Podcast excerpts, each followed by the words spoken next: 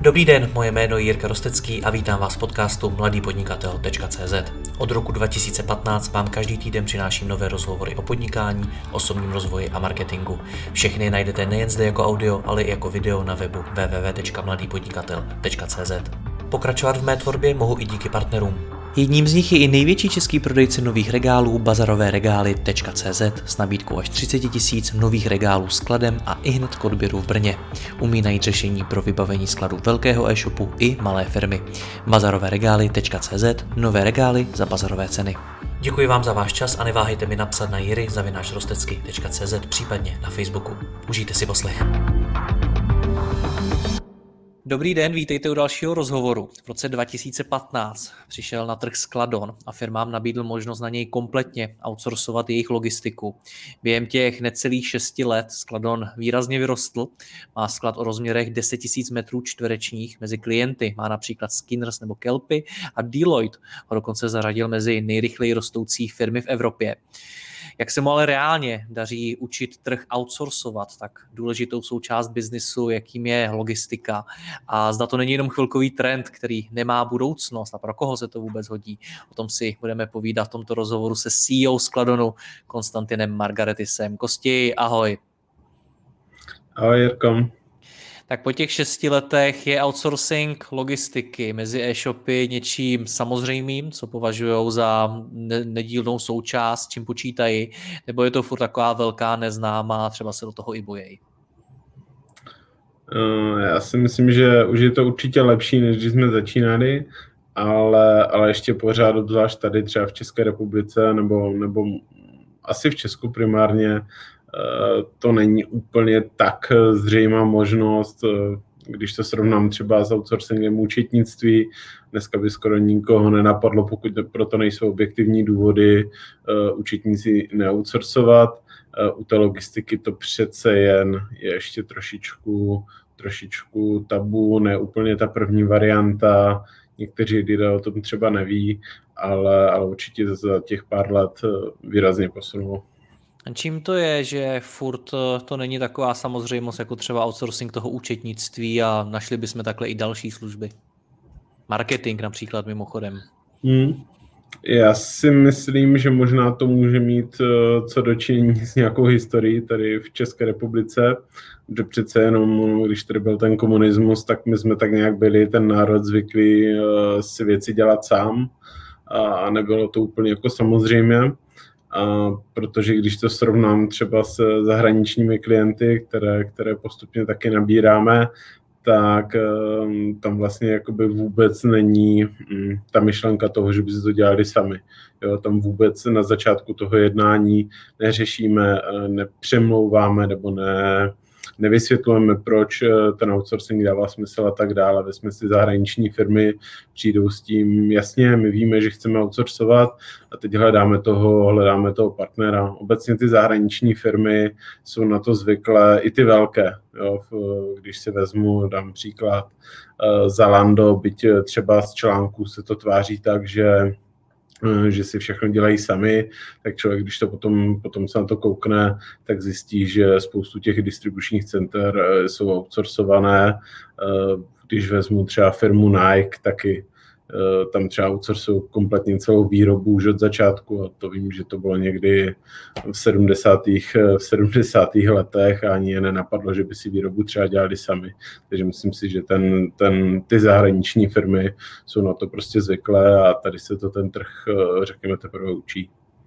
To je velmi zajímavé, když bychom teda srovnali zahraniční e-shopy a ty české e-shopy, tak pro ty zahraniční je teda outsourcing logistiky už skutečně něčím, když použiju znova to slovo jako samozřejmost? Je to tak, já vím, že třeba z dat eh, ze Spojených států je to tak, že ty firmy asi v 80% eh, ten outsourcing využívají, což dokážu si představit těch zbylých 20% budou ti, eh, ty firmy, pro které se to vyloženě třeba nehodí a, a pak firmy, které z nějakých třeba objektivních důvodů ten outsourcing nechtějí, ale 80% firm veselé outsourcuje. Proč to tak je? Proč eh, ty zahraniční firmy k tomu mají mnohem blíž? Eh, co je, co je na tom láká? Já si myslím, že ty firmy v zahraniční jsou obecně víc zvyklé na rychlejší růst a na velký růst, no, protože přece jenom uh, jakoby často obsluhují opravdu velký trh, konkrétně třeba ty Spojené státy, to je prostě řádově 300 milionů lidí a pokud je budu chtít opravdu všechny obsluhovat, tak já se na ten biznis dívám v mnohem větší škále. Oproti tomu, když, se, když založím třeba v Česku e-shop, tak přece jenom v první chvíli se dívám na to, jak velký je ten trh v tom Česku a, a ty ambice kolikrát nejsou, nejsou tak velké, protože řekněme oslo, obsloužit desetimilionový trh, na něm jsem schopen generovat nějaký objem objednávek. Oproti tomu v té Americe samozřejmě jsem schopen dělat mnohem větší biznis, eh, potřebuji mnohem větší zázemí, eh, větší, větší kvalitu služeb těch procesů a proto je vlastně postavit něco úplně od základu na to samozřejmě těžší, než, eh, než pro třeba nějaký menší trh. Nejseš první, kdo mi v rozhovoru naráží na to, že čeští podnikatele nemají takové ambice jako řada zahraničních podnikatelů že jim třeba chybí i určitá odvaha. Čím to podle tebe je? Je to tou hmm. historií? Protože v poslední době spousta, zejména e-shopů, chce expandovat do zahraničí, chce být mezinárodní. Jo, já si myslím, že trošičku tou historií to může být dáno. Když se podíváme třeba na úplně hodně mladé projekty, tak ty už dneska do světa okamžitě křičí, že chcou být globální, takže tam nějaký ten důvod může být. A samozřejmě, když budu žít v zemi typu Česká republika, nebudu třeba tolik cestovat, tak eh, to, kam vidím, je prostě to Česko. Ono je relativně malé, jsme schovaní, schovaní tak jakože uh, mezi horama, máme to tak jako svůj klid, když to tak řeknu. Oproti tomu, když jsem prostě v Americe, no tak jako tam, tam jako vidím, že to je obrovské, že to je velké a, a je tam ten natural těch lidí prostě, prostě jiný. Takže myslím si, ale myslím si, že se to určitě mění. Jo, jak říkám, ty mladé projekty prostě mají, mají tu ambici. Uh, jde to slyšet i od různých investorů. Když třeba se podívám x let zpátky, nebylo úplně běžné, že investor první, co říkal, že hledá globální produkt a že chce škálovat do celého světa. Dneska, když investoři o tom mluví, tak jsou to první parametry, které na těch firmách hledají. No samozřejmě, když to ty firmy slyší, tak nad tím začnou přemýšlet a prostě ta, ta mentalita se posouvá. Hmm. V té jedné z předchozích odpovědí se řekl, že zahraniční firmy chtějí mnohem rychleji růst a de facto ta odpověď se dá eh, přeložit tak, že vlastní sklady mě brzdí. Je to tak? Brzdí mě vlastní logistika? Ano, může to tak být. Jo, pokud jsem opravdu na začátku, dám příklad, budu dělat, eh, já nevím, třeba nějaké inovativní funkční oblečení, Eh, no tak jako pokud chci najednou zpracovat stovky tisíc objednávek a jsem schopen vlastně těm zákazníkům, pro ty zákazníky je to tak zajímavé, že je umím oslovit a oni u mě jako chtějí nakoupit, no, tak samozřejmě pokud eh, nemám už tu infrastrukturu nachystanou na to, abych byl schopen expedovat řekněme desítky tisíc nebo stovky tisíc objednávek a, a budu začínat s nějakým malým skladem a a ty procesy a ten software prostě nebudu mít, no tak horko těžko tu, tu poptávku uspokojím. Pak bych musel omezovat, což samozřejmě, eh, co samozřejmě nechci, takže tam je ten, ta, ta chvíle, kdy vlastně ano, ten vlastní sklad nebo to vlastní řešení, které na to kapacitně není nachystané, eh, tak nemůže logicky brzdit. Teď to chápu, takže outsourcing logistiky je především pro malý nebo začínající e-shopy. Je to pravda? Mm, to super nemyslím. Ba naopak nám jako mm, spíš připadá to, nebo to, co jsme za těch pár let jako navnímali, je, že pokud budu mít fakt malý e-shop, který udělá 10, 20, 30, 50, 100 objednávek měsíčně, tam řekněme, ta logistika není v tu chvíli tak zásadní, protože přece jenom si to, si to nějak jako umím udělat sám, jo, naučit se ty první věci pokud chci posílat ehm, třeba tisíce objednávek už měsíčně a mám poměrně třeba širo, i široké portfolio těch produktů, eh, tak už to chce systém toho řízeného skladu. To většinou začínající e-shop samozřejmě nemá, takže pokud už se bavím o tisících objednávkách, tak eh, tam si myslím, že opravdu je už potřeba profesionální logistika a pokud ji nemám a nehodlám ji budovat, tak, eh, tak samozřejmě ta další cesta je ten outsourcing. Co je to, co mě konkrétně brzdí? pokud si tu logistiku dělám sám? Já si myslím, že jsou to dvě věci.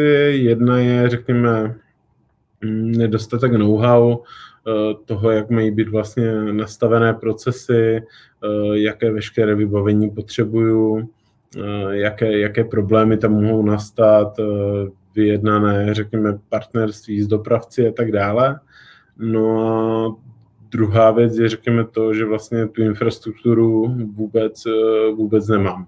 Jo pokud chci vyexperovat plácnu teďka třeba 50 tisíc objednávek měsíčně, no tak eh, to už chce, to už chce solidní zázemí, chce to systém řízeného skladu, eh, chce to mít a hlavně to chce mít ty technologie už jako zavedené, odzkoušené, eh, vyladěné ty procesy. Jo. Já si pamatuju, že ve chvíli, kdy my jsme otvírali vlastně už to, to Ačko je distribuční centrum, tak ve chvíli, byť jsme měli moderní technologie, všechno, eh, než se to prostě zaběhne, tak to něco, něco sebere času, člověk na tom udělá třeba nějaké chyby, Samozřejmě už je to provoz, kde třeba několik desítek lidí, klidně nižší stovky lidí, což znamená zase, bavíme se o tom, že musím školit, potřebuji mít na to eh, celé navazující HR procesy a tak dále. Už, už, už to není prostě malinká zábava, už je to seriózní, seriózní biznis, který prostě ve chvíli, když má výpadky, tak eh, tam můžou být obrovské ztráty a, a to si jako ten podnikatel samozřejmě nemůže, nemůže dovolit. Nemají to ty e-shopy už tak nějak uh přirozeně, protože velká část eh, e-shopů vznikla takže to na začátku měli někde v kanceláři, nebo dokonce v obýváku, v garáži a tak dále. A postupem času rostly, rostly, rostly. A dneska jsou tam, kde jsou. A ty sklady už třeba nemusí být malý, už třeba opravdu můžou mít pořádný sklad. Tak mě zajímá, do jaký míry vám se tohle daří změnit, protože ty e-shopy tady byly dlouhý léta na něco zvyklí a najednou vy sem přicházíte s tím. A logistiku, která je nesmírně důležitou součástí biznisu e-shopu, jim svým způsobem chcete vzít, tak jak se vám to daří měnit reálně? Tak z toho, co, co slyšíme na tom trhu, tak je pravda. Někdy už eh, ty firmy prostě to mají roky zavedené, ale co tam vidíme je, že se stává, že přece jenom jako ta logistika v tom e-shopu je naprosto nezbytně nutná, to tam prostě jako musí být ve smyslu, ve smyslu té funkce jako takové, ale mm, samozřejmě nehraje často prim. Většinou hraje prim buď eh, marketing, eh, často zákaznická péče, protože samozřejmě potřebuji být zákazníkům na blízku, eh, často je to, řekněme, tvorba nějakého nákupního oddělení, vychytat si to, jaké produkty se prodávají a tak dále. Takže ta logistika, byť je klíčová, tak většinou hraje třeba až to čtvrté, páté ty čtvrté, páté housle a často podle toho ty provozy vypadají, když jsou to třeba starší sklady, ty procesy tam nejsou úplně ideálně nastavené a tím pádem se stává, že prostě ten provoz není tak kvalitní, jak by mohl být, to je jedna věc. Potom lidé, kteří už je shop provozují opravdu další dobu, co si budeme, ta logistika je živá, je tam hodně operativy, stávají se průšvihy, což znamená po těch letech spousta těch lidí říká, já už jsem z toho prostě tak unavený, nikdy nevím, co přijde, kdy to musím řešit, eh, vypadli mi brigádníci, pak zase je nějaký problém s technologií a tak dále, takže častokrát říkají, že vlastně díky té logistice jsou poměrně jako dost, dost unavení, když mají na svých bedrech, takže to je možná jeden z eh, takových jako důvodů, proč by třeba 10 let eh, provozují e-shop, tak ve finále řeknou, hele super, tady outsourcing, pokud je to dobrý partner, nastavím si pravidla a, a vesele se z eh, toho jakoby v úvozovkách zbavím. Na druhou stranu, když se podívám na ty trendy, já osobně bydlím v Praze a tady už si můžeš objednat eh, zboží z e-shopu a na mobilu sledovat, kde se nachází ten kurýr a přiveze ti to za hodinu není právě outsourcing logistiky tím, co mi zabrání v inovacích, co mi zabrání právě v tom mít do takových zatím v vozovkách specialit, budoucnu to možná specialita nebude, ale dneska to rozhodně není standard, ale nebude mě ta, ten outsourcing v tom bránit? Mm-hmm. No, no, když se podíváme, kdo tady tyhle služby nabízí, tak jsou to většinou spíš ti lídři toho trhu, než eh, že by to byl běžný standard což znamená, častokrát ve shopech běžný standard není to, že, že se ta zásilka ještě ten den od objednání vyexpeduje. Jo. Už to se bere za něco, co je opravdu jako velmi, velmi kvalitní. No, a je to přesně tím, že prostě ty firmy nebo ty e-shopy nemají prostor se tomu věnovat. Jo. Hraje to ty čtvrté, páté housle, takže já bych řekl, že ba naopak, pokud si vyberou opravdu dobrého partnera, který má zase nastavené procesy na to i jak inovovat a opravdu je to jeho jako core business, tak si myslím, že spíš eh, tu inovaci jakoby můžu využívat do toho partnera. Znamená, dám příklad, eh, budu chtít třeba rozšířit eh, prodejní kanály, budu chtít využít třeba nějaký marketplace, například, já nevím, Amazon, Samozřejmě, když budu chtít posílat eh, zásilky, které jakoby byly původně objednány přes Amazon, tak to má nějaké své podmínky, nějak to musí vypadat, nějaká rychlost a tak dále. No pokud já interně ten proces už jako nemám, tak znamená, chci prodávat přes Amazon, fajn, tak si musím zjistit, co všechno musím splňovat.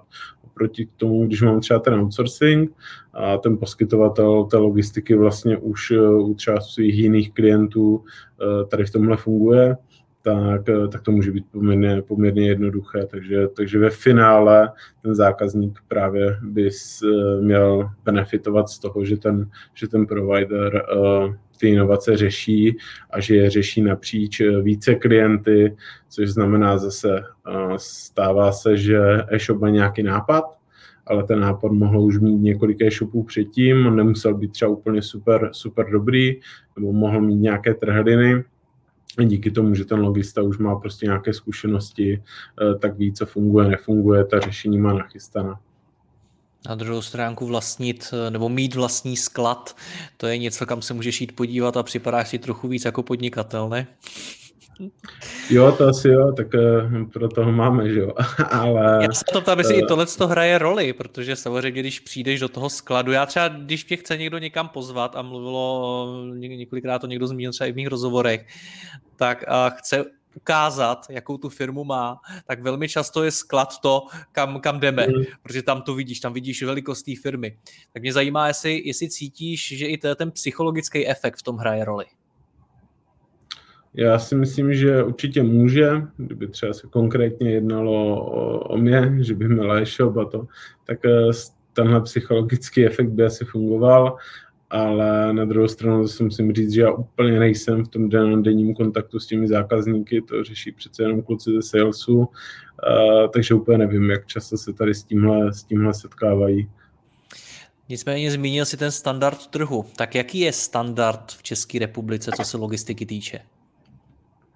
Já si myslím, že takové to běžné je, že uh, pokud dneska mm, přijde objednávka, samozřejmě pokud to není v 11 večer, tak, uh, tak je ještě ten den uh, vychystána, odeslána, upředána té kurierní společnosti a tak nějak se očekává, že ten druhý den měla být doručena. To si myslím, že je nějaký jako standard, který očekávají všichni, všichni účastníci toho trhu.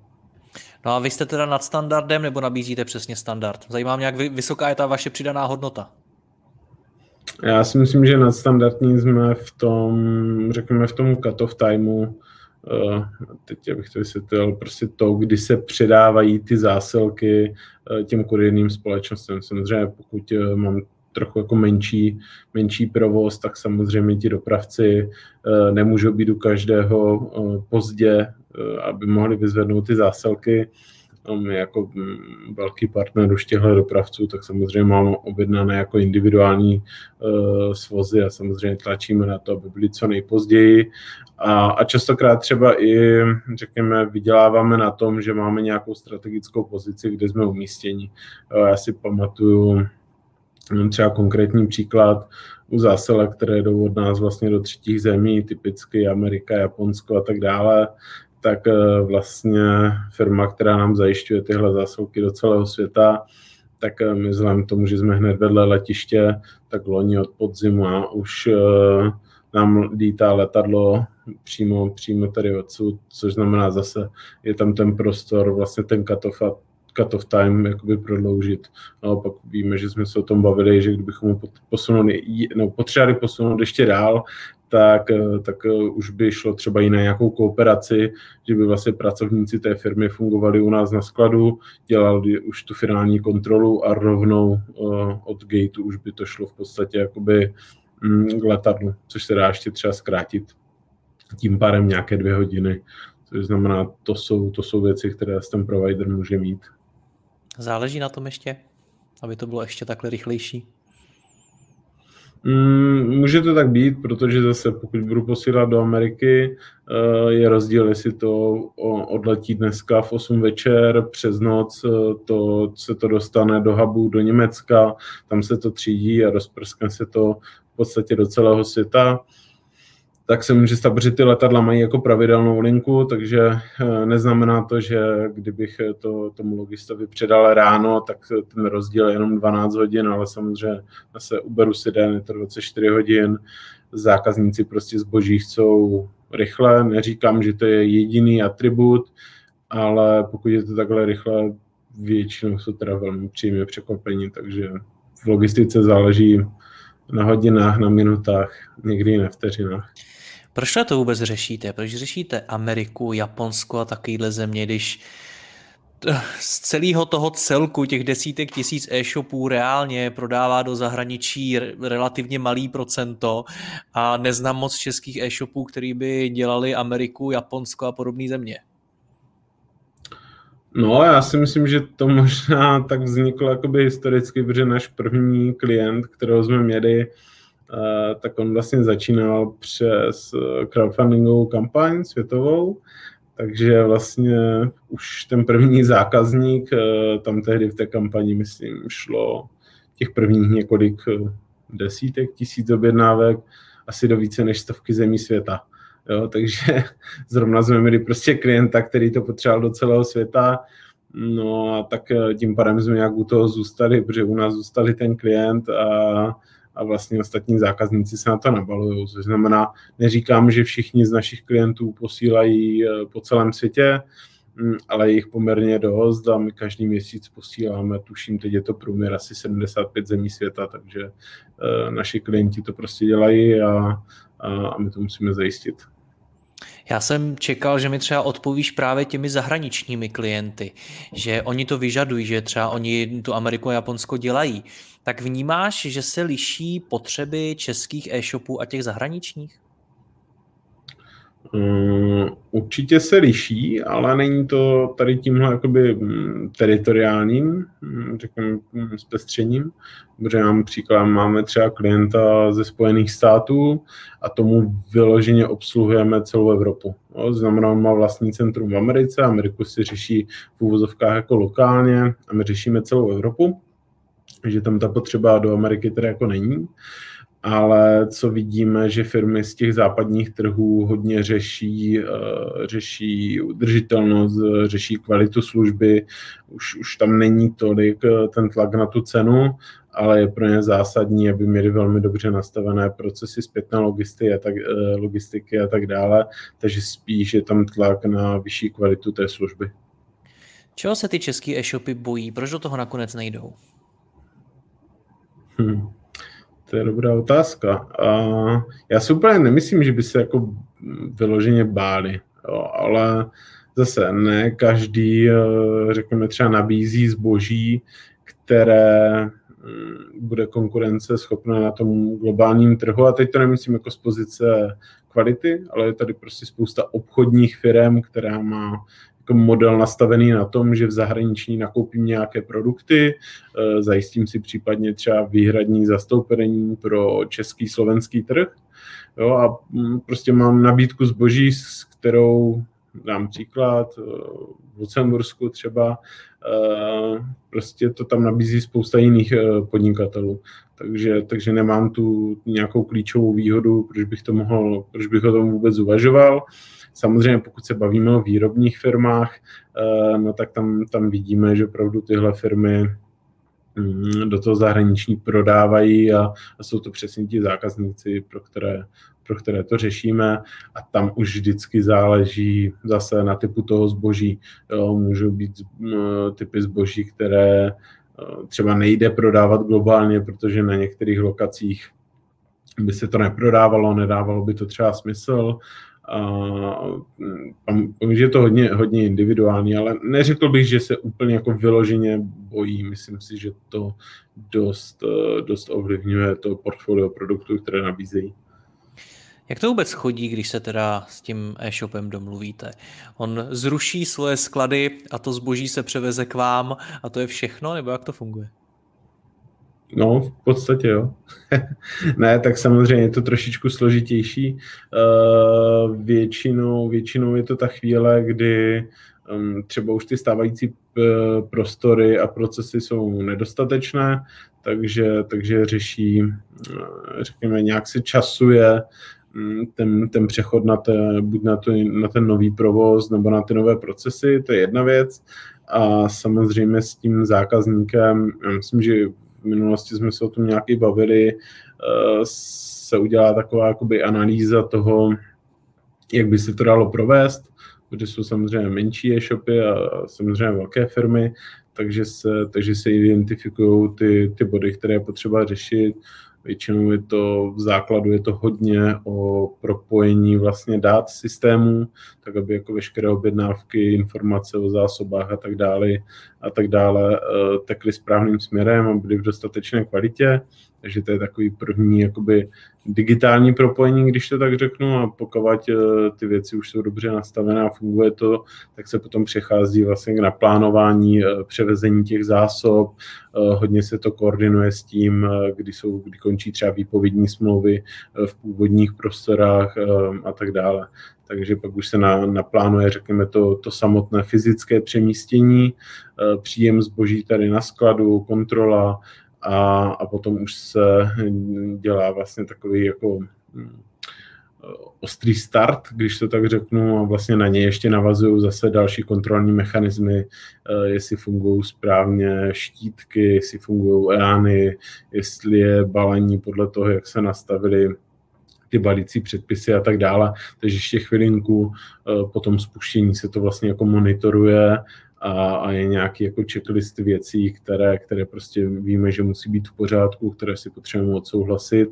A, a pak už ve se ten, ta kontrola už není uh, řekněme, tak, tak citlivá na těch základních věcech, které se prostě jednou nastaví a fungují. A, a pak už v podstatě je dokonáno vidíš budoucnost? Doženeme tedy svět a budeme outsourcing logistiky považovat za něco, bez čeho to možná nejde? Bude taky 80% firm jí outsourcovat? No, tak eh, to si úplně netroufnu odhadnout, ale myslím si, že to eh, že se bude jakoby ten, ten podíl firm, které ten outsourcing využívají, tak se bude navyšovat. Eh, řekněme, ty podmínky na tom trhu se zpřísňují. Jo? Když třeba se podívám pět let zpátky, to, že mi eh, e-shop poslal objednávku po čtyřech, pěti dnech od objednání, to bylo něco úplně normálního. Dneska je to spíš výjimka. Uh, trackovatelnost, řekněme toho, jak prochází ten proces, zase Eh, předtím stačil jeden e-mail, že, že, že jakoby zboží opustilo sklad. Dneska se kolikrát opravdu dává informace, že už zboží se vychystává, že je připraveno, že ho kurier přebral a tak dále. Takže zase ta hm, citlivost na tu kvalitu je samozřejmě, ten nárok na tu kvalitu se zvyšuje, čím se zvyšuje nárok na to, jak kvalitní je ta logistika nebo ta intralogistika v, v tom pozadí.